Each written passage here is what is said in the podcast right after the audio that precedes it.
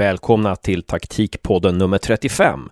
Den här gången pratar vi med Hammarby IFs lovande fotbollsspelare Oskar Krusnell, som för övrigt har ett förflutet i AIKs akademi och framförallt kanske några år i Sunderlands akademi. Och det pratar vi särskilt mycket om i det här avsnittet. Men vi vill också veta vad det är för skillnad att spela i ett lag i superettan och ett lag i division 1 mot att spela med Hammarby i allsvenskan.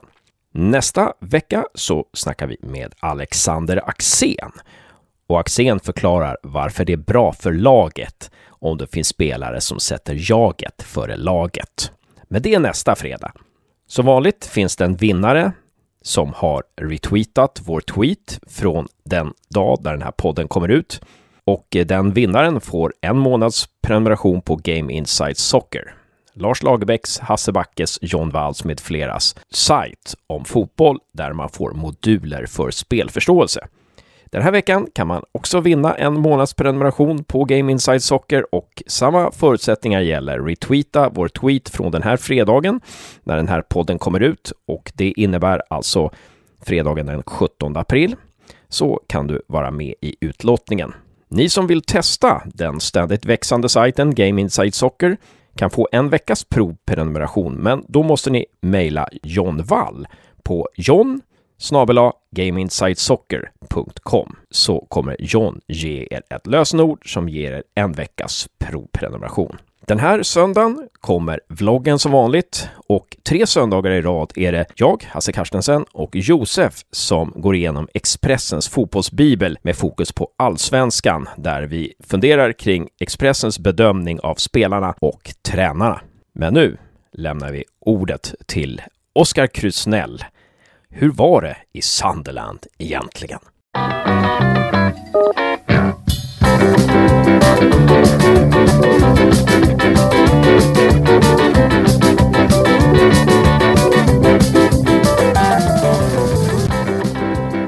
Välkommen till Taktikpodden, Oskar Kusnell.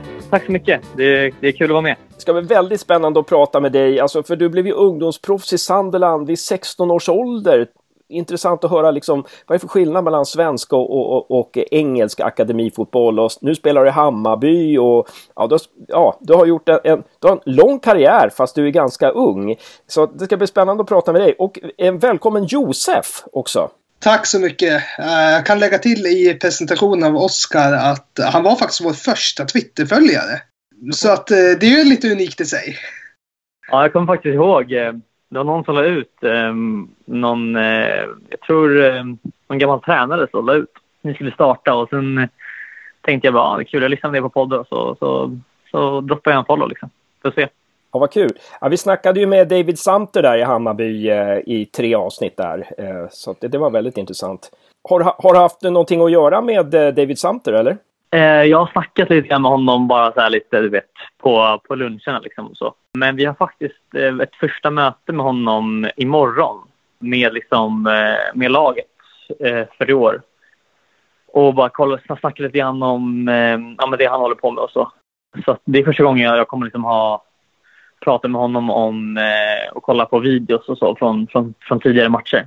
Gud, där skulle man verkligen vilja vara fluga på väggen alltså i, den, i det mötet. Det, det låter ju superintressant alltså.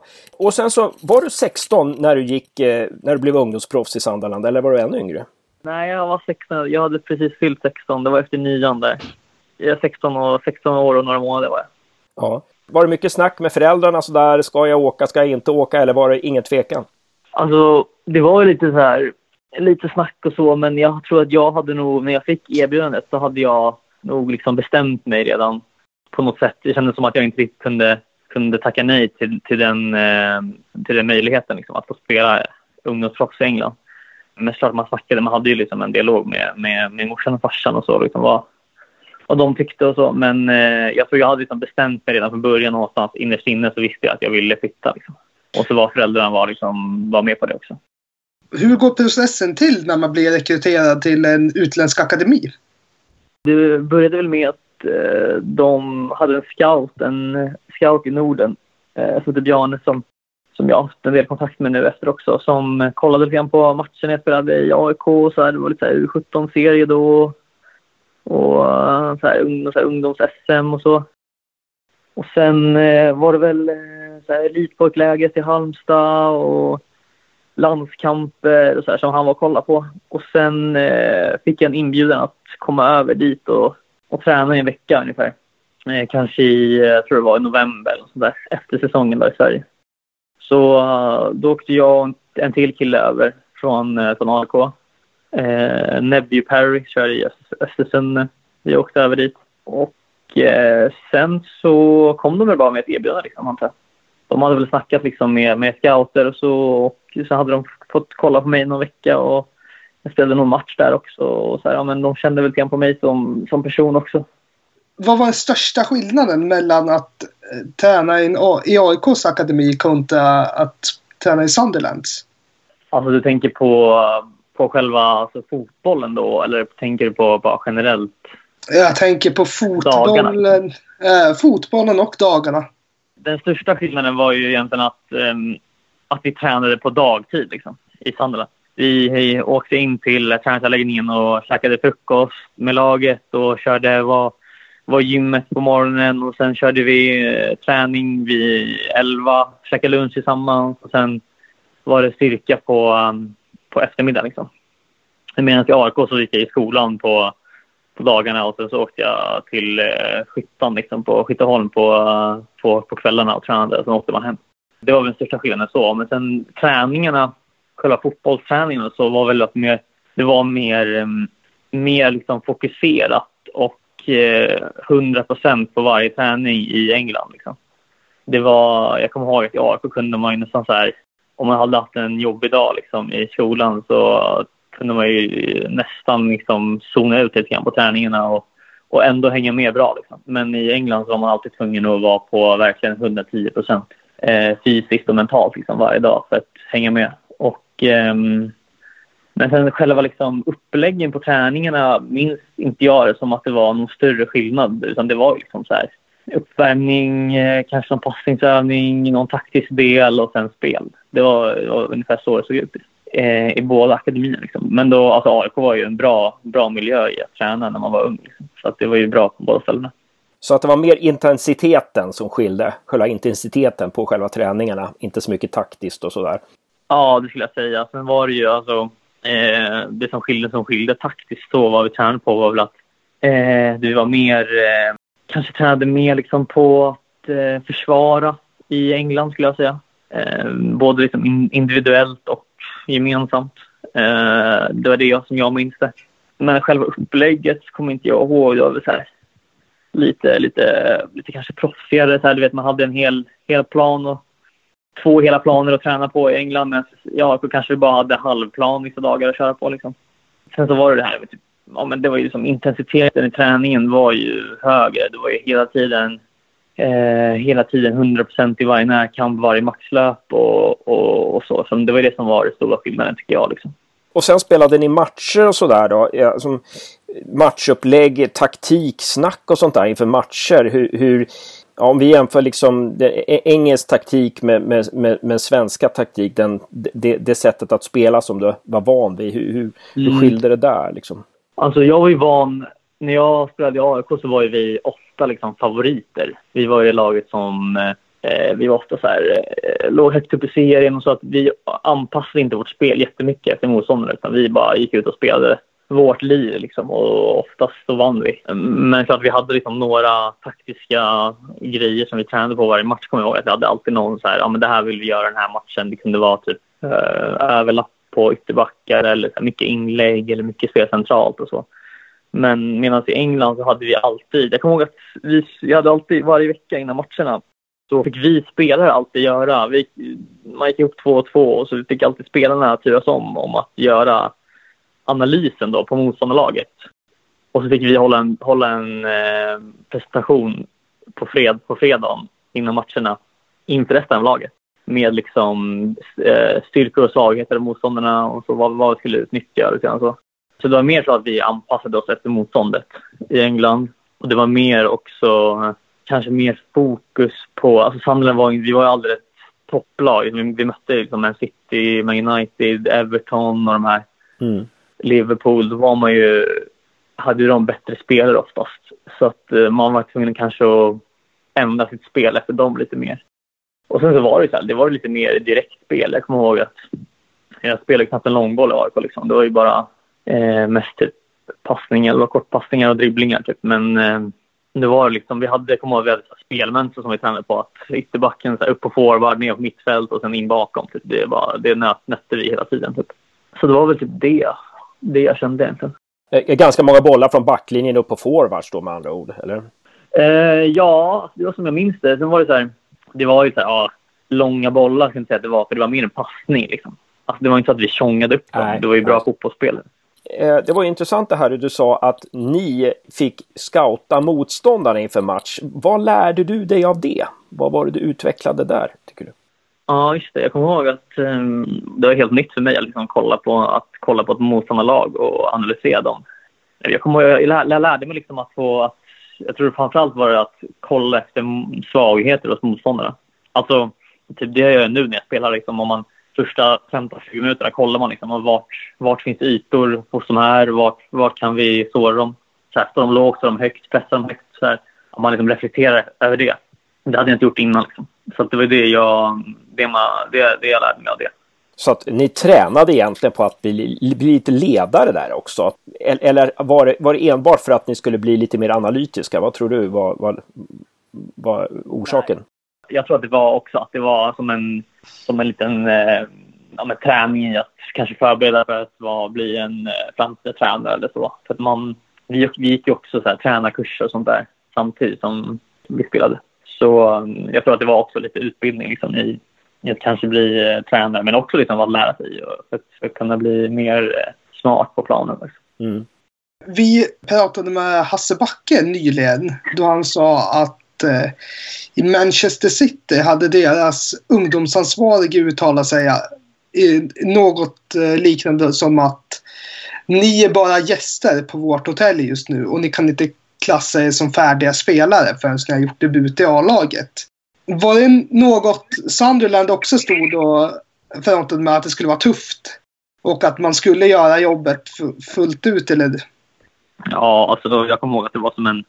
När jag kom dit, det var en jävla omställning alltså från att komma från, eh, från att spela i, typ, AIK och så här, gå i, gå i som en normal skola i, i Sverige, i Stockholm, till att komma dit. Då skulle man förstå det så var det så här, ja men eh, tvätta A-lagets skor och eh, städa gymmet varje dag.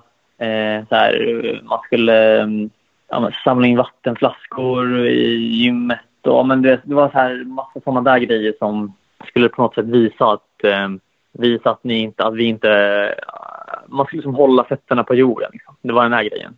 Och jag tror att det är samma sak som det här med sitter. Vi fick, eh, man var tvungen att ha svarta skor, svarta fotbollsskor och det var lite samma grej där som, som, som Backe snackade om. Typ, att de, man, de såg inte en som en, eh, som en färdig spelare eller så. De såg det som att du ska utbilda dig här. Och det var mer, också mycket upp, uppfostran. Inte bara fotboll utan mycket så här, man, ska, man skulle liksom tacka för maten och så här, vara trevlig mot personalen. Alltså det, det, det är man ju ändå men eh, ni förstår. Liksom, man skulle vara, det var mycket uppfostran också, hur man, hur man är som person och, och ödmjukhet och sånt där. Inte bara att man ska liksom tacklas.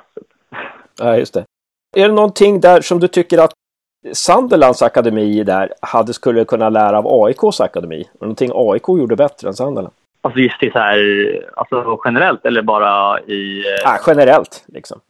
Eh, generellt? Eh, ja, skulle det vara... Alltså, jag, kände, jag fick en känsla när jag... Alltså, jag vill inte snacka skit om så här, Sunderland så, men jag fick en känsla att när jag var där så så var det som att de... Eh, det här funkade inte på mig, men det kanske funkar på andra.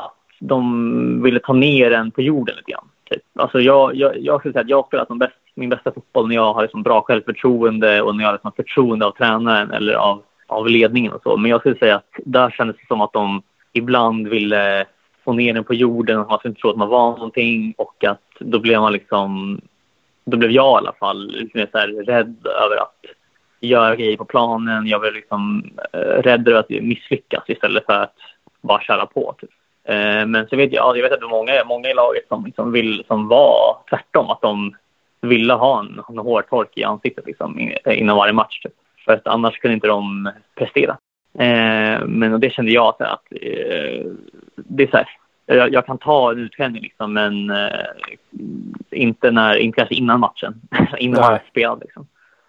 Eh, men det var så här, lite, lite det här, och så här, inte för att jag hade några attitydproblem där, men det var så här, jag tror att jag hade fått mer ut av, liksom, av mitt spel om jag hade haft, eh, kanske vågat göra lite mer grejer än att bara kanske eh, spela säkert hela tiden eller bara alltid göra det, det som eh, typ spelaren bredvid mig ville för att han var tre år äldre typ, eller, och sådär liksom.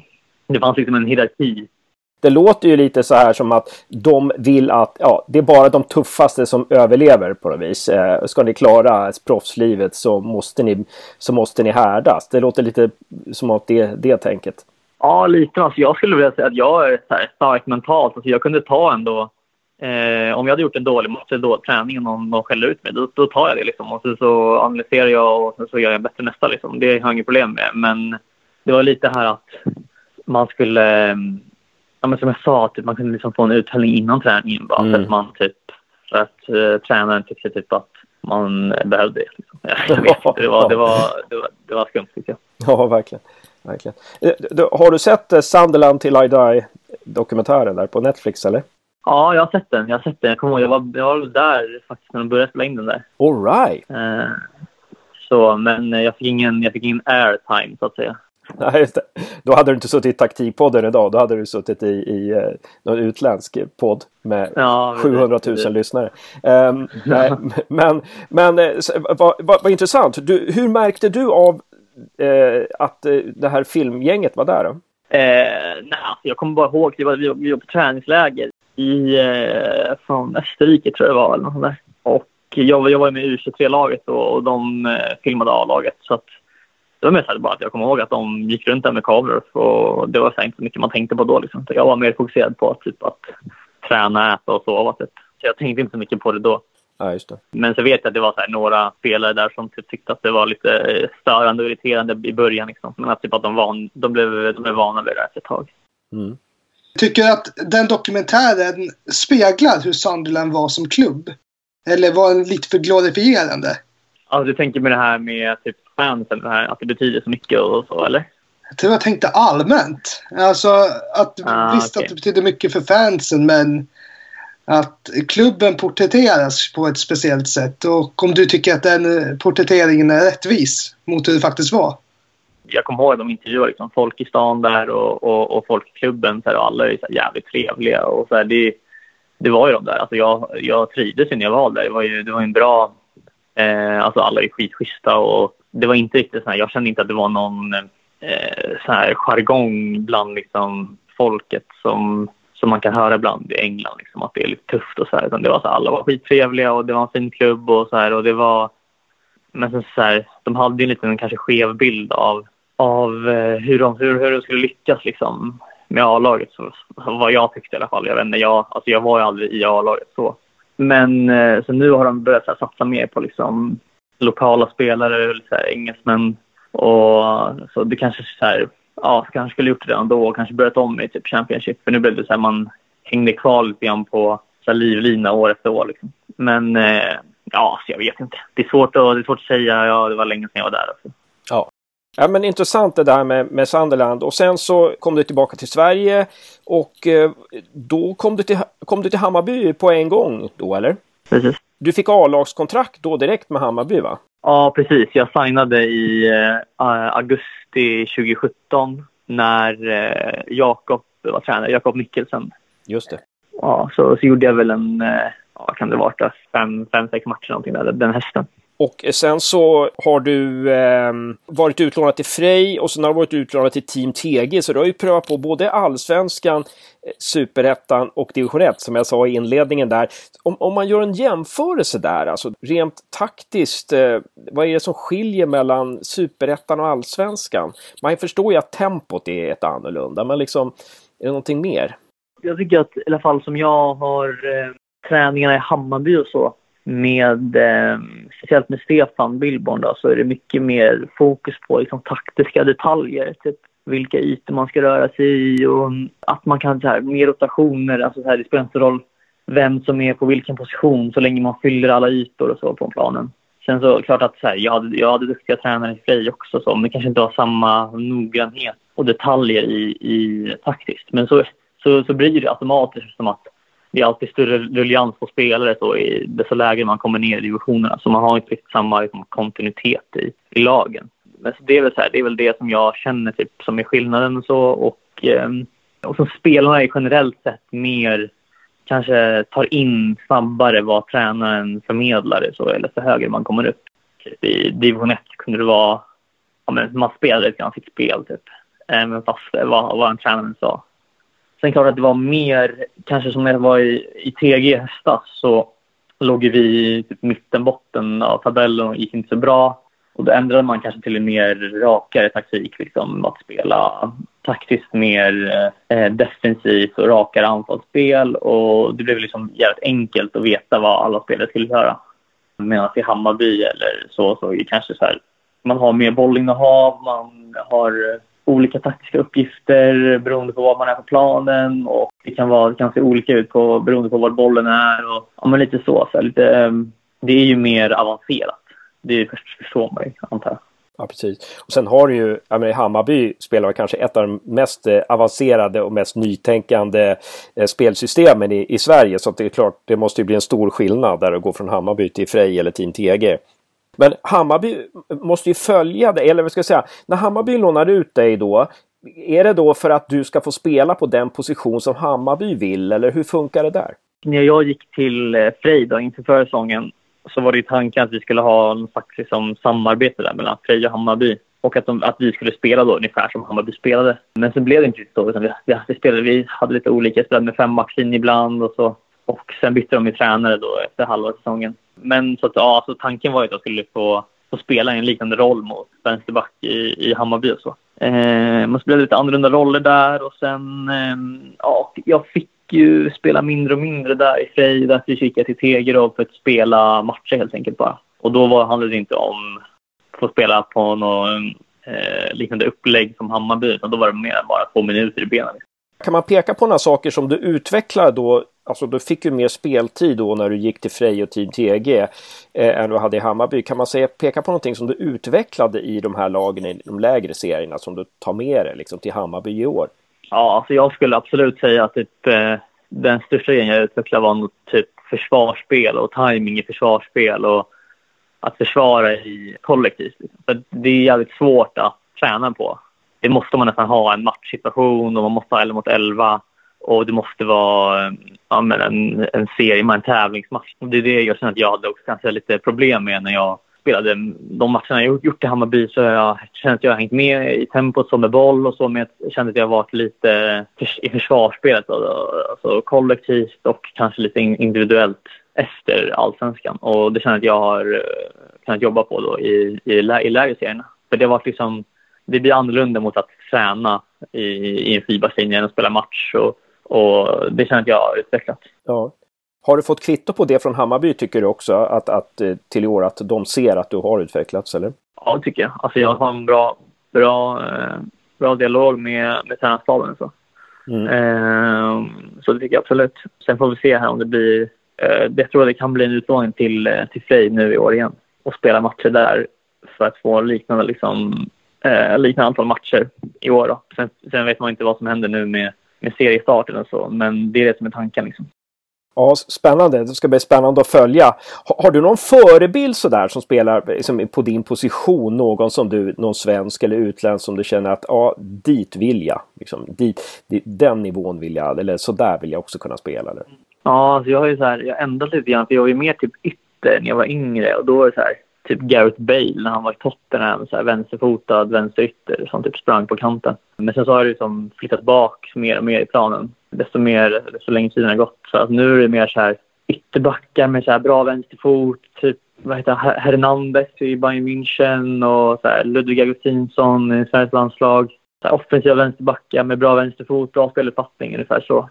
Så skulle jag vilja se. Det, det är ungefär de spelarna jag kollar på när jag eh, vill ha lite inspiration mot med eh, kolla taktiskt och tekniskt vad de gör på planen. Liksom. Ungefär så. Ja, just det. Vi pratade med Häckens eh, chefskatt Hampus Andersson. Då så sa han att den position som det finns minst antal spelare eh, på i Sverige, där är brist, det är eh, offensiva vänsterbackar. Han sa vänsterfotade ytterbackar. Vänsterfotade ytterbackar, sa han. Mm. Är det någonting som du eh, känner till? Eh, no, det har jag tänkt på så mycket. Jag kommer ihåg när jag var yngre. Att det, jag, när jag spelade i AIK så ville jag spela ytter hela tiden. Men så sa min tränare bara, Oskar om du vill bli, om du vill satsa på fotbollen och leva på det så ska du nog gå ner till ytterback liksom. Och köra vänsterback. Eh, så det får jag väl tacka honom för.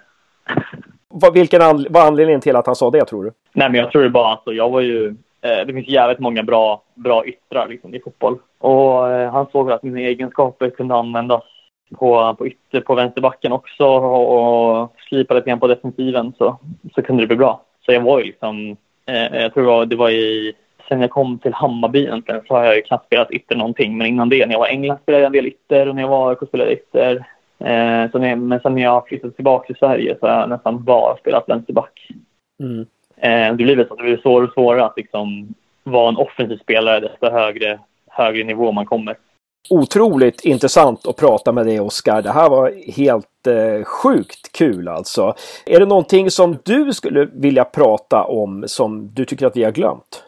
Jag kan, du, du sa det här om att eh, eh, med Hammarbys spelsystem och sådär att det är med de mest eh, invecklade i Sverige och så här. Och det är så här, ja det, det ser jävligt bra ut och så men det är inte så jävla svårt när man, när man förstår liksom. När man, eh, när man vet vad som händer alltid. Men eh, det är klart att det behövs krävs skickliga spelare för att utföra det. Så jag tycker mycket, mycket i fotboll eh, taktiskt är jäkligt enkelt. Liksom. Mycket så här bara skapa numerära överlägen och, eh, och så för att ta sig fram i planen. Det är inte så jäkla, jäkla avancerat hela tiden. Det krävs bra spelare och att man lyssnar på tränaren. Liksom. Jätteintressant. Stort lycka till nu den här säsongen när den nu börjar. Ja. Hoppas vi kan ha kontakt och kanske återkoppla till dig någon gång i framtiden. Yes, absolut. Hoppas jag. Tack så mycket. Och tack Josef, bra jobbat. Eh, tack så mycket Hasse och tack så mycket Oskar.